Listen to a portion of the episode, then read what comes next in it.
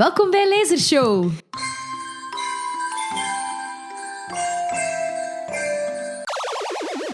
Welkom bij de speciale editie, de decembereditie van Lasershow. Ja, in deze aflevering gaan wij ehm, vandaag ehm, de boeken bespreken die dit jaar ons eh, het meest zijn bijgebleven. En ook een beetje praten over welke boeken wel passen bij het seizoen van winter en, en de kerstvakantie. Ja, we gaan eigenlijk doen zoals iedereen en we gaan lijstjes, niet echt, allee, een soort van lijstjes maken, maar de boeken dat we dit jaar ehm, eigenlijk het beste vonden. En inderdaad, het winterthema. Ehm, het is wel, allee, het weer zit niet echt mee. Het is niet echt heel koud buiten. Er is ook geen sneeuw. Maar ik ben eigenlijk wel volledig into de Christmas atmosfeer en de decembersfeer. Ik ben ook wel ja, twee weken geleden ben ik een weekje naar IJsland geweest. En daar ben ik wel voldoende allee, in de sneeuw en in de bergen geweest. Dus ik, allee, ik ben helemaal in de sfeer. Ja, ik ben ook wel in de sfeer. Of dat nu buiten uh, 15 graden is of, of 5 graden, dat is, uh, dat is heel oké. Okay. Het is dat. Ja, uh, 2019. Uh, was het een goed leesjaar, Pauline? Of... Voor mij wel. Voor ja. jou? Um, ja, met periodes wel. En dan nu de laatste maand, uh, maand en een half, twee maanden minder. Ik had heel weinig tijd om te lezen. En dan heb ik vooral gelezen in functie van de podcast. Um, onze vorige aflevering van Bart Moejaert heb ik dan wat bijgelezen en zo. Maar um, jammer genoeg niet. Maar ervoor wel. Ja, ik heb wel een aantal uh, echt heel mooie boeken uh, gelezen.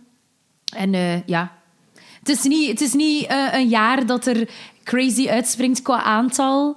Uh, en Goodreads, er is daar iets mee met die een datum dat je moet invullen, dat je hebt gelezen. En soms doe ik dat niet. Dus dan waren er heel veel dingen die niet op mijn lijstje stonden, ah, die ik dit jaar heb gelezen. Dus ik heb dat dan gelijk een echte seut aangepast, zodat mijn aantal ging stijgen naar boven de 20. En wat is je aantal? Ik denk 23. Ah, ja. ja. want jij zit waarschijnlijk aan 32 of meer. Um, ja, mijn, mijn plan was om er 50 te lezen. En um, ja, ik ben zelfs tot 56 uh, geraakt. Wow, oké. Okay. ik ben eigenlijk nog wel van mezelf een beetje verschoten ook. Ik had dat niet verwacht. Ik dacht gewoon in januari van we doen een zot. We gaan eens 50 boeken lezen. Amai, oké. Okay. Uh, en het is eigenlijk gelukt om daarover te gaan zelfs. Dus, oké, okay, ja. dat is meer dan een boek per week. Um, ja, maar ik denk niet dat ik dat zo doe. Ik denk dat ik gewoon in periodes heel veel lees. En dan periodes, als het inderdaad druk voor werk is, veel minder. Bijvoorbeeld de zomer heb ik, allez, heb ik echt veel tijd om te lezen. En dan kan ik zo wat inhalen voor de drukkere maanden in het jaar. De winter eigenlijk ook. Ja, ja dat is juist, um, dat is juist zeker de kerstvakantie. Uh, uh, ik, ik heb eigenlijk veel tijd verspild met um, um, boeken, sommige boeken die ik eigenlijk niet zo goed vind, maar dan ben ik al zodanig ver gevorderd dat ik denk van, ach, ik moet die toch uitlezen, en dan, maar dan rek ik het eindeloos en dan lees ik het toch niet uit. Zoals The Sympathizer van Viet Tang Nguyen. Dat is een Vietnamees-Amerikaanse schrijver en dat gaat over de Vietnamoorlog. heeft ook de Pulitzer Prize gewonnen 2015.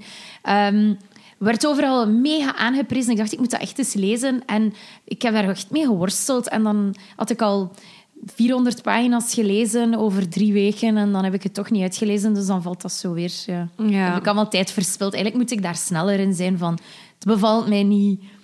Salut. Ik doe dat ook niet. Hè. Ik lees ook altijd door. Ook als het ja? me niet bevalt. Ja, maar ik altijd denk... Het kan nog goed worden ineens.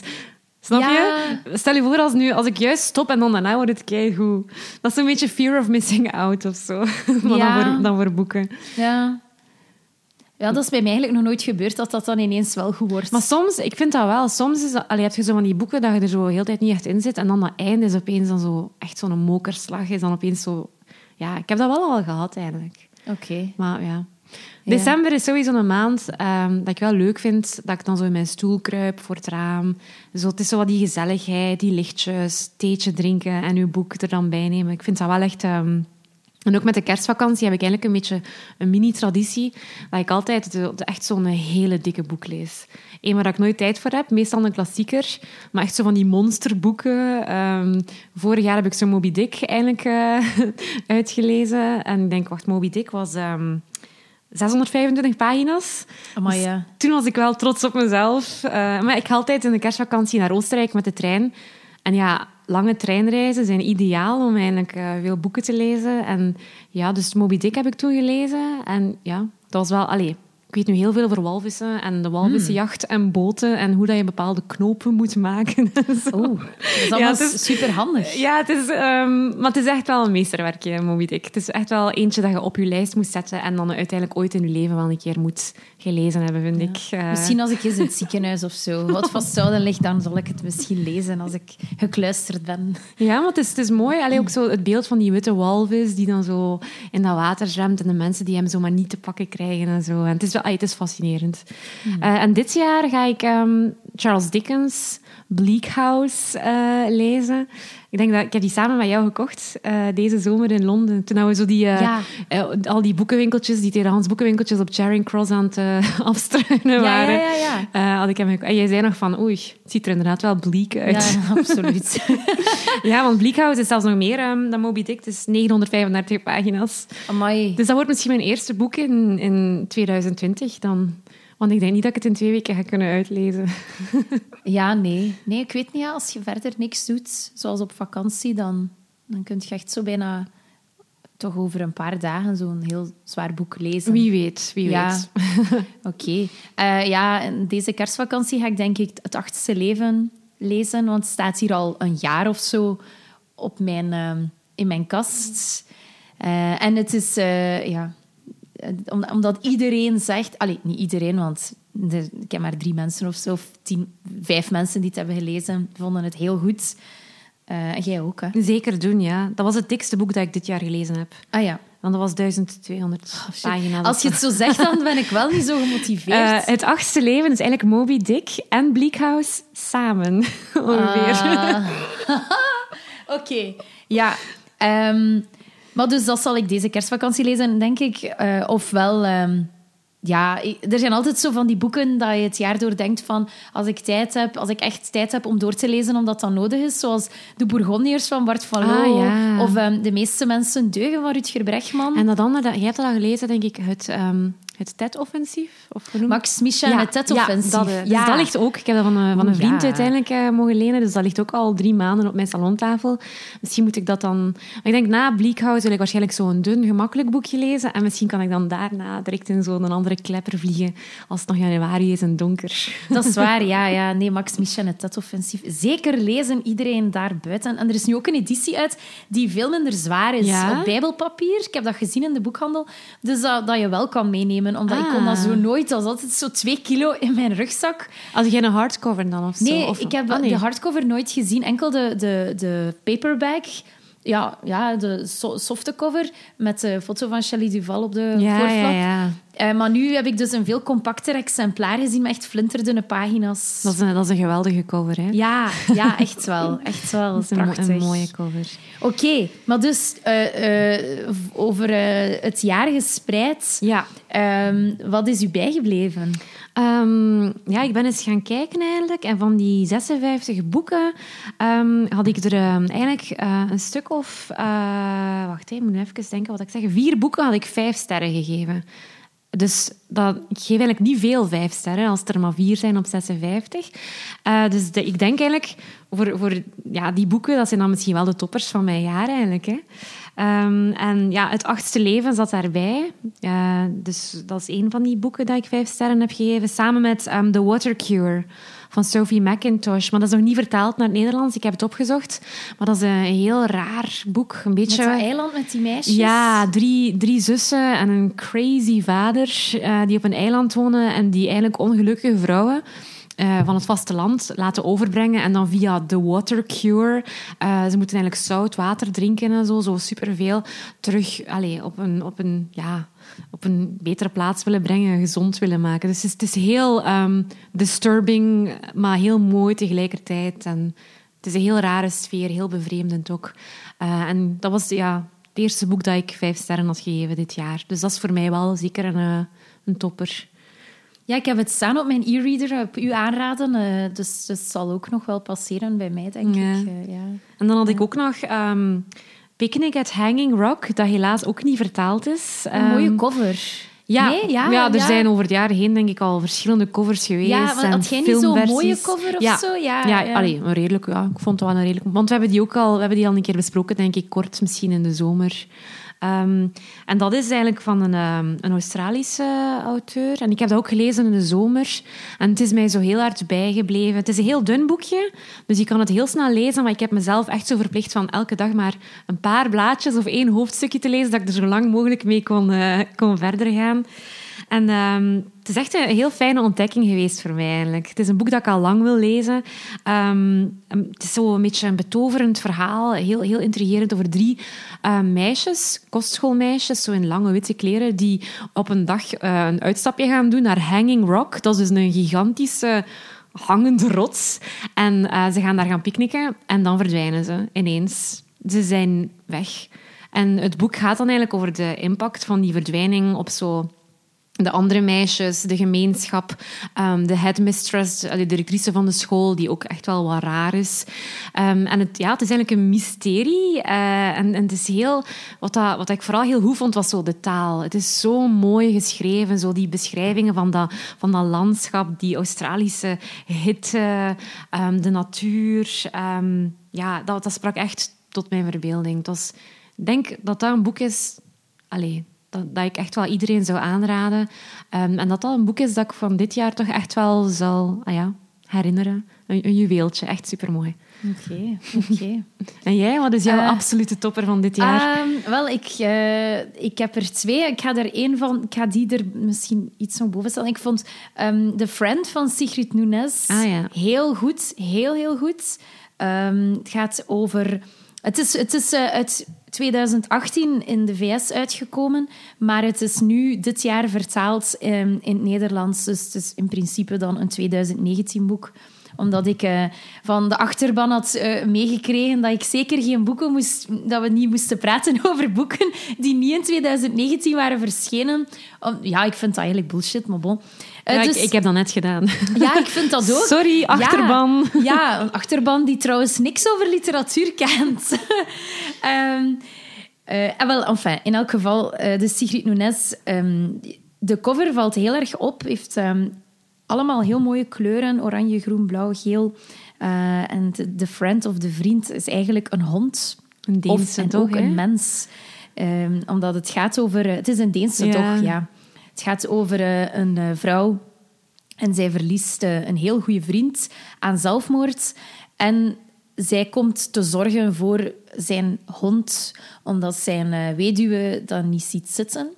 En zij heeft altijd een heel speciale band gehad met die vriend. En daardoor, zij woont ook alleen, zij heeft geen partner. Belandt de hond Apollo bij haar. Dat is dus een gigantisch beest, een Deense dog. Um, als die op hun achterpoten staan, zijn die denk ik meter in de tachtig. En met een heel hoge schofthoogte. Um, en, en zij is ook totaal geen hondenmens uh, bij aanvang. Ze had altijd katten, hè, vroeger? Ja, ze had altijd katten. En dat heeft mij ook... Een, want het boek is dus al verschenen in 2018 en ik zag het vaak verschijnen online en zo.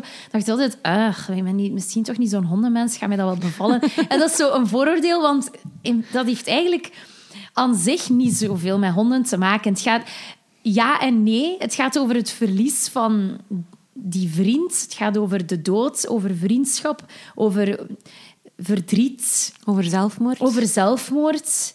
Uh, ook veel over literatuur. Ik vind dat er heel veel inter, um, intertextualiteit is. Verwijzingen naar uh, andere schrijvers, naar culturele verwijzingen.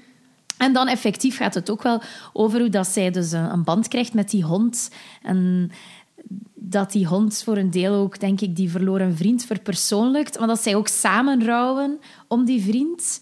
En ik vond het echt geweldig. Het heeft mij enorm uh, aangegrepen. En ik denk dat het thema's zijn die heel wat mensen kunnen uh, beroeren.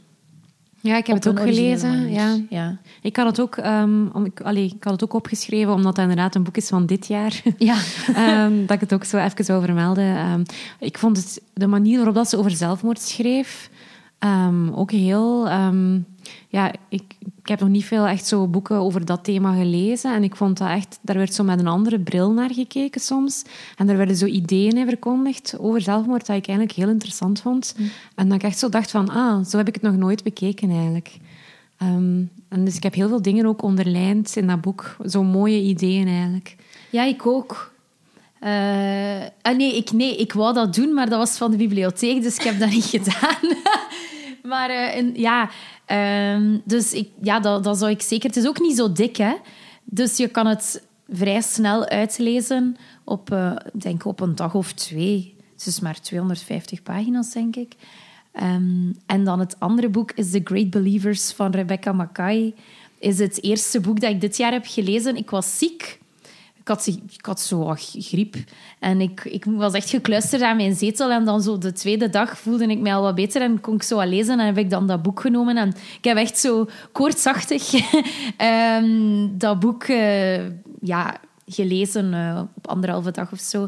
En um, het is vertaald in het Nederlands ook dit jaar als een stralende toekomst. Wat dat echt wel een compleet andere titel is dan... Die, die schrijver, is dat, of is dat een, een Amerikaanse? Het is een Amerikaanse ah, schrijfster. Uh, dus zij um, heeft ook al kort verhalen geschreven en ook wel al andere romans. Um, het gaat over de jaren tachtig in Chicago. Uh, en dan het gaat over het wat we kunnen zeggen, het AIDS-tijdperk. Dus over de um, gay community, waarbij dat AIDS uitbarst. En eh, een vriendengroep waar dat, een aantal uh, van de vrienden beginnen af te takelen. En tegelijkertijd daarmee loopt er ook een verhaal uh, in 2015 van een meisje die dan een volwassen vrouw is, die ook in de jaren 80 in het verhaal zit, die een volwassen vrouw is en die gaat op zoek in Parijs naar haar dochter, die ze al jaren niet meer heeft gezien. En um, ik vond het um, echt zo'n eye-opener, omdat, omdat ik persoonlijk heel weinig wist over die AIDS-epidemie. Um, waarbij dat echt hele groepen jonge mensen van zo 30 uh, gewoon werden neergemaaid en, gewoon werden ver, vermassacreerd door die ziekte. Dat daar ook totaal... Er was daar geen kennis over, dus dat was dan het resultaat van de vrije liefde en zo in de jaren ervoor. En, en dat was echt, echt eng. Dat is echt zo, zoals... Um, is dat nu een verhaal van Poe van de, de, de Mask of the Red Death? Of dat is zo over een bal waar dat iedereen dan sterft. En er is zo een pest die zich verspreidt op een bal. Uh, het deed mij daaraan denken. Het was zo, dat is precies alsof dat, ja, die, niemand, heel weinig mensen lieten zich testen. En dat was ook dus omdat daar zo weinig preventie rond was. En dan kregen die lang ja, die symptomen en dan, dan op heel korte tijd werden, werden die doodziek en stierven die. En dan moesten die naar ene begrafenis na de andere, wijze van spreken, van ah, die dood en die dood. En dat heeft gewoon heel die generatie toen, denk ik, getekend binnen die gemeenschap. En omdat er zoveel nog discriminatie en wantrouwen en vooroordelen waren, deed de overheid daar ook amper iets voor.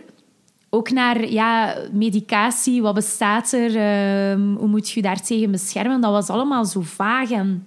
Zij werden echt gestigmatiseerd. Ja. Ook aan hun lot overgelaten. En aan hun lot overgelaten. En dat voel je, voel je heel, heel sterk in dit boek. De, de schrijfster slaagt erin, ook al was zij geen, zij geen deel van die gemeenschap, uh, om dat um, te kunnen verwoorden. En ze heeft dan ook een, een essay geschreven uh, over het feit dat ze zei van ja, ik, ga, ik, ik benader eigenlijk een gemeenschap waar ik geen deel van uitmaak. En ze zegt dat er een, een, een groeiende groep is van wat dat ze noemen sensitivity readers. Dat is ook een thema dat soms bij ons terugkomt. Blijkbaar dus de lezers. Um, people hired to make sure depicted groups won't be offended. Mhm. Dus die kijken dan van, uh, is er hier geen minderheid die wordt beledigd of, of wordt die nu niet fout afgeschilderd? Maar zij heeft heel veel onderzoek gedaan naar die gemeenschap van toen. Zij is ook van Chicago afkomstig en zij, leefde, zij was nog wel een kind tijdens die periode. Maar zij heeft met heel wat mensen gepraat en ja, zich daarin verdiept. En dat ze ook zei van in eerdere versies van haar boek, dat ze besefte van, ja, dat een, een personage door een straat wandelt en kijkt in de ramen van gay bars. Maar ze zei, ja, die gay bars die waren altijd geblindeerd, dus die kon helemaal niet binnenkijken in die bars. Dus ze zei, ik heb echt geprobeerd om dat zo goed mogelijk weer te geven. En dat voel je wel, dat mm. haar echt, het is daar ook echt gelukt. En hoeveel pagina's is het? het is, um, ik probeer er mij zo'n beeld van te... Um, ja, is het, het een dik boek? Het is tamelijk, ik denk zo 350, 400 ah, misschien. Ja. Uh, ja, en uh, ik, zou, ja, ik vind het echt wauw. Ja. voilà. ja, het was al redelijk indrukwekkend wat je erover verteld hebt. Ja. Ehm, Ik weet niet of dat je die reeks hebt gezien, Angels in America. Ja, ik, ehm, ik moet het nog zien. Maar ik heb wel andere, ik denk ehm The Normal Heart. En ik heb ook aan de universiteit ooit een, een vak gevolgd, eh, queer fiction. En dan hebben we ook aandacht zo aan heel die AIDS-crisis en hoe dat de, ja, de overheid daar eigenlijk niet mee is omgegaan. En we hebben daar ook veel boeken over gelezen, zo The Gifts of the Body. Ehm, dus het is wel een thema dat, ja, dat, het, is, het is inderdaad ook wel heel dicht bij ons. Hè. Dat is recent verleden eigenlijk allemaal. Ja, maar ja, ook misschien het feit dat dat dan... Ik weet niet in welke mate dat zich in België gelijkaardige tafereelen hebben afgespeeld. Ja. Ik, ja. Of in hoeverre dat daar al boeken of literatuur over verschenen is, dat weet ik Ja. ook niet goed. In Amerika is dat wel echt ondertussen een heel allee, een gekende problematiek. Hè. Daar zijn ook al allee, Tom Hanks in die film bijvoorbeeld, eh, de Philadelphia Story, ja, denk ik, juist, die film. ja. Ehm, dat is daar al, denk ik, meer een, een onderwerp of een topic. Terwijl dat ik in België, ja, ik weet niet goed in hoeverre, ja. Ja. En ook, eh, er, er was ook... Ik moest het zelf ook denken, maar ik las het ook online, dat zo... Is hoe dat A Little Life had moeten zijn, misschien. Hoezo? Nee, wat ik weet niet. ik ben niet mee, Ah, wacht. Nee, A Little Life is ook Ja. zo... ah, en zo eh, ziek en zo. Ja. ah, en vrienden en... ah. maar zo...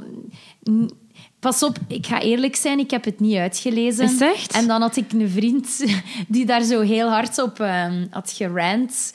En dan had ik ook helemaal geen zin meer. En dan Wacht, had misschien, het gaat over de... Een, een, Ja, een- sorry. Hoe is het in het Nederlands? Een klein Een klein leven. van Jana Gihara. Jana Gihara. Ja, ja, ja. het is een heel ja, ja, moeilijk- ja, moeilijke naam. Die is van Hawaii. Ja, het is heel... Allee, Jana, ik heb ze al gezien, ze is een keer naar Brussel gekomen ook. Ze heeft dan verteld over dat boek. Ehm, ja, het is een heel dik boek ook. En het gaat... ehm, het is heel moeilijk om u erdoor te, te lezen, omdat het zo zwaar is. En, En, en ongeloofwaardig. het keeps on coming. Eh, De ene mokerslag naar de andere. Alles, ja, alles dat eigenlijk echt slecht kan gaan met een persoon, gebeurt daar eigenlijk bijna in. Ehm, het is heel zwaar. maar dus, wat is dan... Slachtofferporno. Ja, ik heb dat, Ellen ja. Dekvits zei eh, dat in, in, eh, in Boeken FM, nog een, een andere boekenpodcast van, van de Groene Amsterdammer, noemde zij dat zo. En ik vond dat eigenlijk een, een, eh, een goede benaming. Ja, en wat is, wat is dan de link met, met dat boek dat Ah, je wel, juist dus, maakte? ook, dus, dus je hebt ook een, een die Het gaat ook over die- ja. En ook wel over ja, gay ja, community of... of en in een grootstad waar dat mensen ook eh, gedurende heel veel... allee, gedurende een heel lange tijd door lief en leed gaan en, en mensen verliezen en zo, die, die, dingen. Dus ja. eigenlijk vinden ze het een beter boek dan... ehm, Ja, ik denk ja. dat dat het punt was Ah, van, ja, eh, van die, eh, die lezer die dat Ah, zei. Oké. Maar ik kan niet volledig oordelen over Little Life, want ik heb Little Life eigenlijk maar 300 pagina's van gelezen.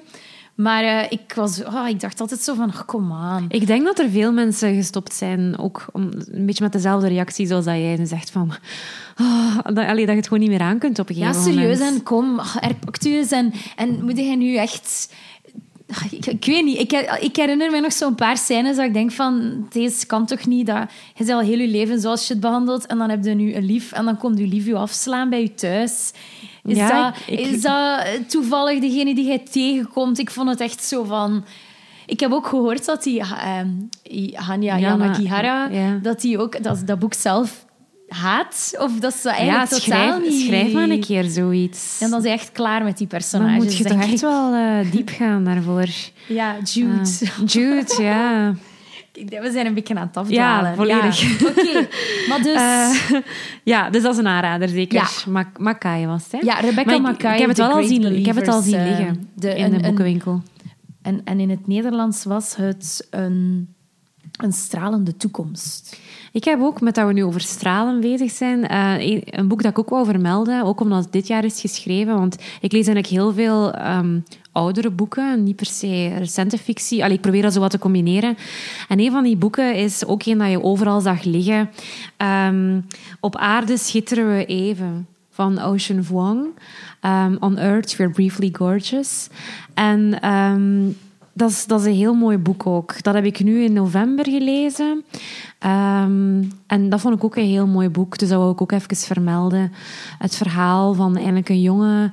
ehm, ja, het is ook een beetje over, over immigratie en, en hoe dat het voelt om als, als, een, als, ja, als een immigrant in een ander land te moeten aarden en te leven. Ehm, de Vietnamoorlog ook. En dan het feit dat hij gay is. En dan probeert dan aan zijn mama te vertellen. En, allee, het is- ik wil dat zo niet zo wat banaal afdoen, want er zit heel veel in dat boek en het is gewoon ontzettend mooi geschreven. Zelfs los van die verhaallijn is dat echt gewoon... Dat is bijna poëzie dat je aan het lezen bent. Maar dat is ook een dichter, ja, hè? Ja. je ziet dat echt. Dat is gelijk een, een gedicht, maar in fictievorm of zo. Zo mooie woorden. En, en ik heb het ook in het Engels wel gelezen, dus ik weet niet of het Nederlands of dat, dat dan hetzelfde gevoel geeft. Maar ik vond dat echt, ja, zo een woordkunstenaar of zo. Ja, ja. Eh, Ocean Vuong. Ocean Vuong, ja. Mijn mama zei zo, ja, er is zo een Aziatische naam die ik altijd terug zie komen. En ik zeg, dat, ik dacht meteen daaraan dat dat dan wat boek zou Ja. geweest zijn. Dat was Eh, eigenlijk dat boek. Dus ehm, op aarde schitteren we even. En dan wat dat jij eigenlijk al besproken hebt, De Vriend. Dat waren de twee boeken van dit jaar, echt, die dit jaar zijn uitgekomen. Dat ik echt wel dacht van, die wil ik wel even vermelden. Die moeten op mijn lijstje staan. Want de andere boeken waren eigenlijk al wat ouder. Ja, ik heb er wel nog een, eh, maar dat is non-fictie, maar... She Said. Ah ja, komt ook in heel veel lijstjes terug. Hij stond op het lijstje van de morgen ook. Ah, De 50 beste boeken van, ehm, van 2019 ja. stond hij ook. Is, eh, het heet in het Nederlands Zij Zegt. En ehm, het is over eh, Breaking the Sexual Harassment Story That Helped Ignite a Movement. Het gaat over de journalistes die Weinstein eigenlijk hebben kunnen eh, ja, strikken en publiekelijk aan de schandpaal hebben kunnen nagelen door echt zijn journalistiek onderzoek zeer grondig te voeren. Hè. En het, is, het leest als een thriller. Eh, omdat ehm, het, is zo, het is zo moeilijk voor hen geweest om al het bewijsmateriaal op een, op een, eh, op een, ja, op een goede manier te kunnen verzamelen. Ehm, op een bevattelijke op een manier bevattelijke manier. Dat is ook supergevoelige materie. Vrouwen zijn aangerand jaren terug. Zij hebben daar soms niks van tegen hun partners gezegd. En nu moeten hè, die, twee, die twee journalisten proberen dan om die getuigenissen te verzamelen. Eh, mensen trekken dan hun staarten. Eh, zij werden ook eh, bedreigd door de omgeving van Weinstein. Die probeerde dan om hen op allerlei manieren te, te, ehm, Intimideren. ja, intimideren. En hoe zei ze dat? In, in, eh, in mm, te brengen. In dis, dis, eh, te brengen. Discrediet. In discrediet te brengen. Alright. Voilà, goed. En maar dat is, dus zij hebben echt moeten ook de, de deadline van, van het breaking artikel telkens moeten uitstellen, omdat ze dachten van nee, het is in het verleden ook al, ook al geweest dat, eh, dat ze geprobeerd hebben om Weinstein erbij te lappen, zoals dat je zou kunnen zeggen. En dan is dat telkens gestorven. Dus dat nieuwsbericht is dan een stille dood Ergens in de, gestorven. in de doofpot gestoken. Ja, dus ze, iedereen wist het, maar het was gewoon hoe gaan we het aanpakken om die er echt nu volledig... eh, En, ehm, ja. Heb je het al... Het is volledig uitgelezen. ja, Ah ja, ik, heb het al, ik heb dat ook op, op vijf dagen of zo Anders lezen. Dus, eh, eh, dan wil ik het... het zeker eh, meenemen. ja, dat was mijn volgende vraag. Wil ik het wel eens lenen? Maar het was niet zo makkelijk. Ik heb het moeten bestellen, want het lag niet in de winkel. Ah ja, maar ik was mee Ehm, toen je het zocht. Niet? Ja, ja, ik heb het Ja. in de FNAC eh, dan laten leveren. Want ja. er was ook eh, tegelijkertijd dat boek van de zoon van eh, Woody Allen en Mia Farrow. Ja, Ronan Farrow. ja. eh, is dat hun? Dat is hun zoon, hè? Ja, toch? Of ben ik nu iets verkeerd aan het zeggen? Ehm, Het is... Wacht, hè. Is dat ook niet Farrow. met dan... Het is niet dat Is hij de op- zoon is van Frank Sinatra? Ik weet het niet meer, maar hij, ja, hij noemt inderdaad wel Farrow. En, en het was er, allee, hij is, ik dacht dat hij de broer was van ja, de dochter van Woody Allen, die dan Ja, ook is, naar... hij is de naar, zoon van eh, Frank Sinatra Ah ook. ja, oké. Ja. Ah, nee, nee. nee, nee. Zij zegt dat Ronan could possibly be the biological child of Frank Sinatra. She never really split up, maar die lijken keihard Ah, op elkaar. ja, dus het is niet helemaal zeker dan. of? Nee. En die is ook nog jong, hè? Die is van Ja. 87. Ja, en dat, dat, dat boek ehm, wou ik eigenlijk ook wel lezen. Ja. Eh, Als even het, een titel... als het een beetje goedkoper wordt. Want ik heb het al twee of drie keer vastgehad, maar ik vond het echt nog duur. Het is ook een, een redelijk dik boek en het is nu een hardcover. Juist, Ehm, ja. En ik denk dat dat ook heel goed is. Oh, is dat weer de Ehm, naam? Ik, Ik heb, ehm, want ik heb het al... Ik heb het ook al... Ik was aan het twijfelen welk van beide ga ik kopen. ja, ah, wel, maar ik weet het. Het was, allee, het was daarom, maar ja, het ik was erbij. Ja, ja, ja, in, in Waterstones. Ja. Ja, en dus de hardcover is altijd zo duur. Ehm, Ja, meestal als je dan zo even wacht, dan, dan kan je het een beetje goedkoper scoren in softcover. dat is waar. Ah, het heet Catch and Kill. Voilà, ja. ja. Ja. En het is ook zo'n ja, ook zo'n eh, rood-zwarte cover. Ja, en het is dezelfde thematiek in Ja, feite. want die hebben allemaal... Ik ga nog eens de Pulitzer vermelden, maar die hebben allemaal samen de Pulitzer gewonnen voor het breaking van MeToo-verhaal. De hashtag Ja. MeToo-movement, ja. Ja, dat is een, een movement die we ook wel echt wel met 2019 kunnen associëren, hè? Ja. toch? Ja. Allee, of is dat eigenlijk al oud? Dat is misschien al ouder. Maar goed, Het is van, Het is denk wel- 2000... ja. Wacht, wanneer... Ze hebben het verhaal ge, ge- eh, gebracht in, in, oktober 2017. Ah, ja. Toen hebben ze hem er... Ja, hebben ze hem eigenlijk Het is eigenlijk al, het is al langer dat we over hashtag MeToo spreken, maar het, het voelt nog zo wat recent aan soms. Ja, ja, dat is waar. Ehm, Ja, ja. Oké. Eh, ik weet niet of dat er verder eh, nog... Dat waren de boeken eigenlijk dat ik... ehm, Ja. Ja, dat ik had... eh, ja, ik had Jane Austen ook nog eens herlezen. Voor mijn boekclub moest ik Persuasion of Overtuiging nog eens herlezen. En dat was ook een van de... Ja, dat is gewoon een van mijn allerliefste boeken, mijn favoriete boeken aller tijden. Dus dat is logisch dat ik dat dan vijf sterren heb gegeven. Hè. Ja. Ehm, dus dat was ook een van die weinige boeken dat vijf sterren kreeg. Ehm, ja, ik, misschien onze klassieker, onze... De oldtimer Ja, van de vandaag. oldtimer. Ja. Die is ook in het thema van december. ja. En ik, ja, jullie kunnen het misschien al een beetje raden, maar het gaat over... Christmas Carol van Charles Dickens. Ja, inderdaad. Ik denk, ehm, in het Nederlands zeggen we gewoon een, een kerstverhaal of een kerstvertelling. ehm, denk ik, als ik het mij goed herinner, stond er vroeger op mijn, eh, op mijn kinderboek. Ah.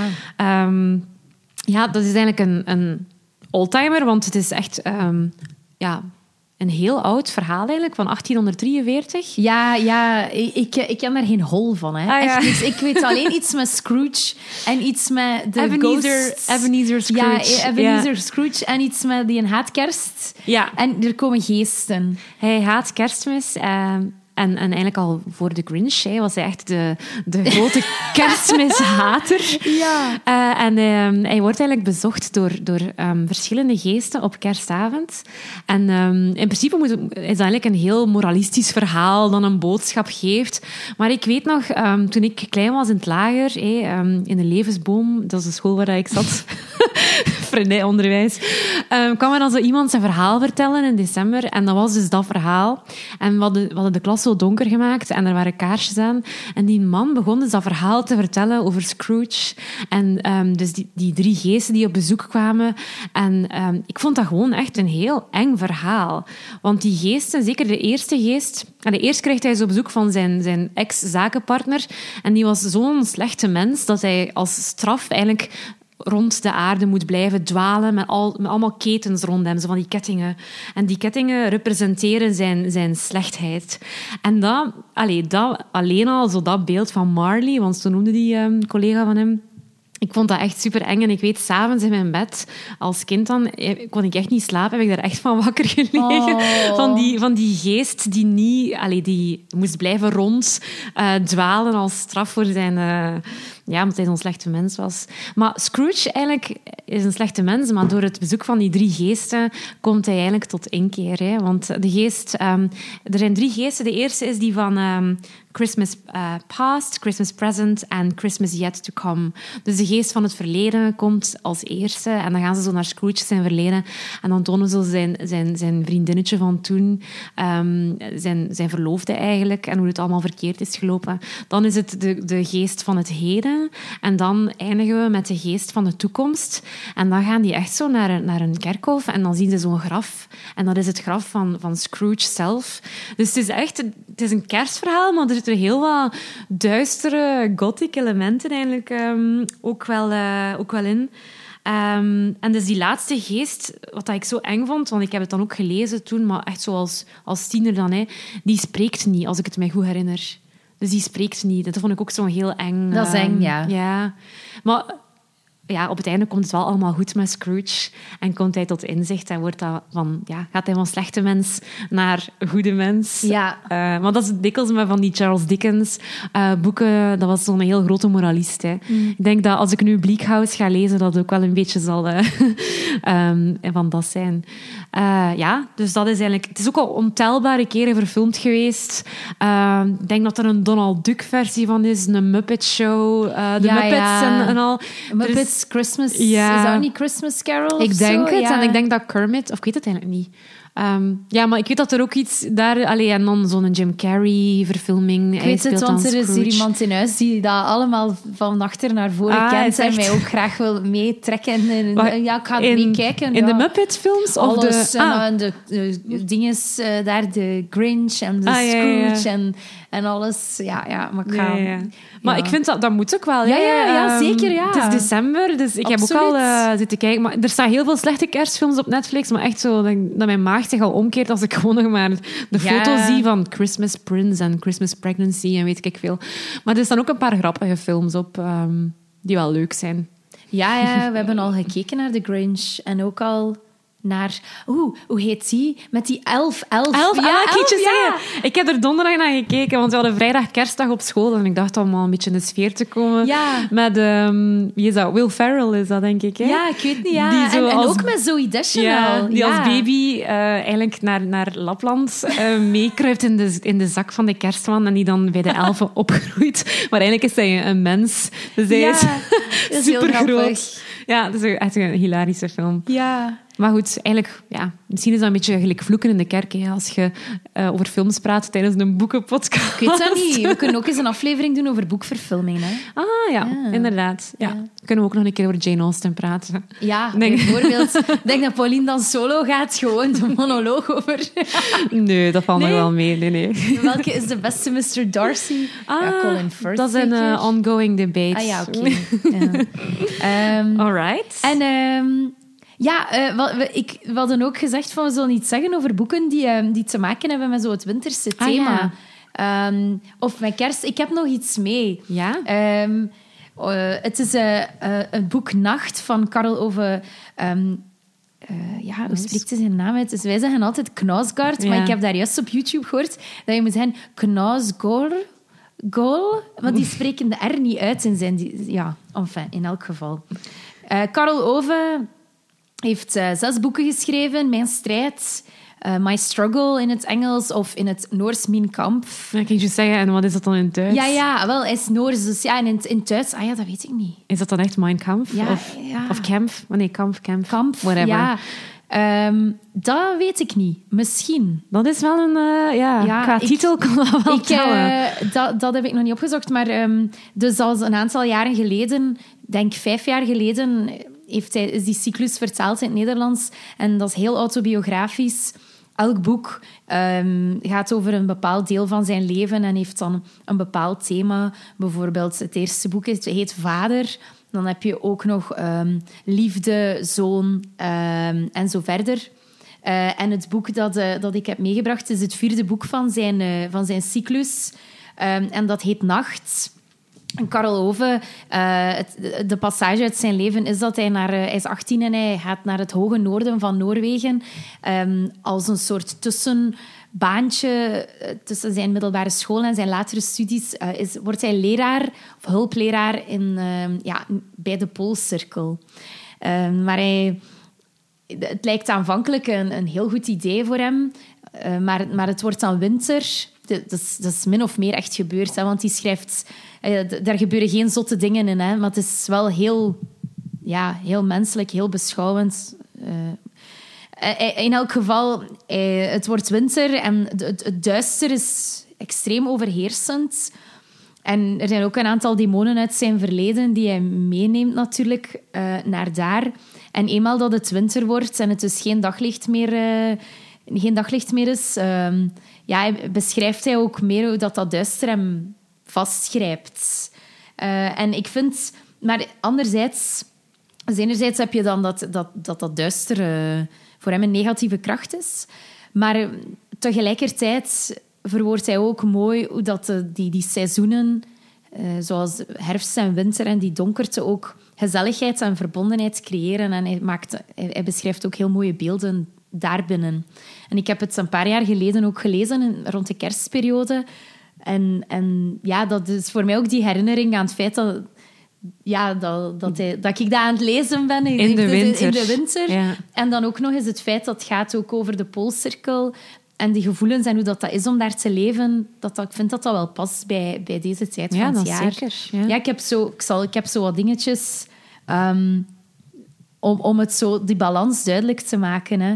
Ehm, bijvoorbeeld, ehm, hij schrijft dan over de herfst en de winter die komt van... Buiten werd het donker, de herfst legde zijn hand over de wereld en ik vond het heerlijk. De duisternis, de regen, die plotselinge flarden verleden die werden opgeroepen, als de geur van vochtig gras en aarde me ergens vanuit een greppel tegemoet sloeg, of als de lichten van een auto een huis verlichten, dat alles als het ware opgevangen en versterkt door de muziek in mijn Walkman die ik altijd bij me had. Dus ja, en dan, maar dus, dus dan, hij creëert dat gevoel, maar hij is totaal geen wollige schrijver. Hij is gewoon een heel realistische schrijver. En dan later, naarmate dat verhaal evolueert, komt hij dus... Ja, hij drinkt ook veel te veel. De mensen daar in dat dorp, speelt zich af in de jaren tachtig, drinken heel veel om die eenzaamheid en die donkerte te verjagen. Er is ook heel weinig te doen daar. Ze zitten ver van, van de volledig bewoonde wereld. En, en dat vond ik ook wel, wel heel sterk verwoord. Um, hij zegt dan van...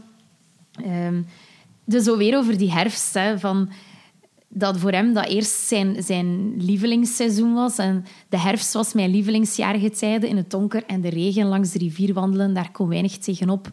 Maar dan zegt hij van, maar deze duisternis was anders. Deze duisternis verstikte alles. Hij was onbeweeglijk. Hij was dezelfde als je wakker werd en als je in slaap viel.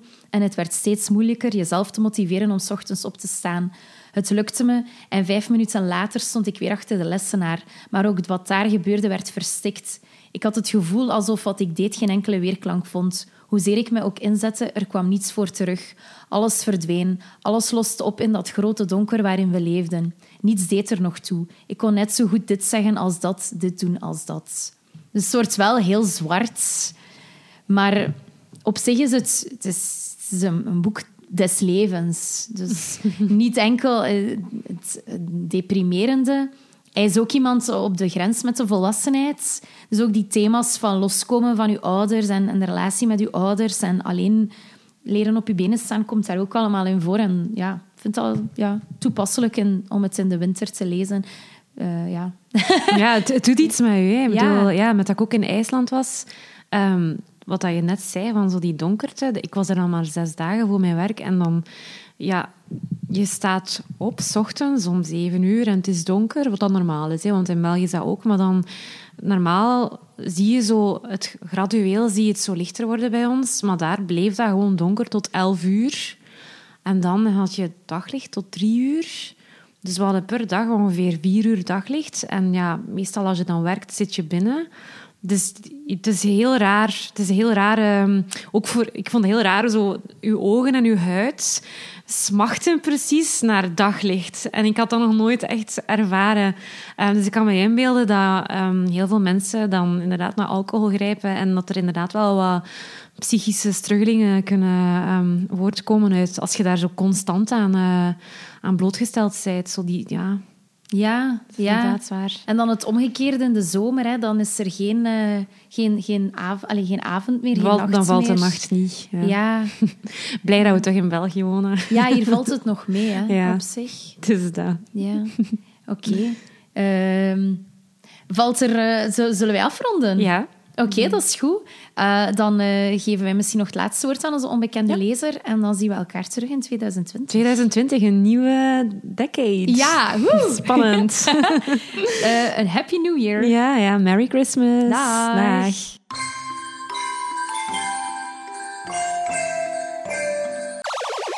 Ik heb het boek uh, Dreams from My Father gekozen van Barack Obama. En eigenlijk komt dat omdat dit boek mij geholpen heeft, denk ik toch, om de toekomst van mijn kinderen beter te begrijpen. Barack Obama is um, metis, zoals ze dat bij ons zeggen, net als mijn kinderen. Hij is dus opgegroeid in Amerika, Hawaii en heeft een Keniaanse vader. Mijn kinderen die groeien op in Vlaanderen en hebben een Congolese papa. En die zien er eigenlijk ook een beetje hetzelfde uit. En bon, ik ben ook wel een beetje fan van Barack Obama. Ik vind dat een knappe man. Dus ik dacht, ik wil ook wel eens weten wat hij schrijft.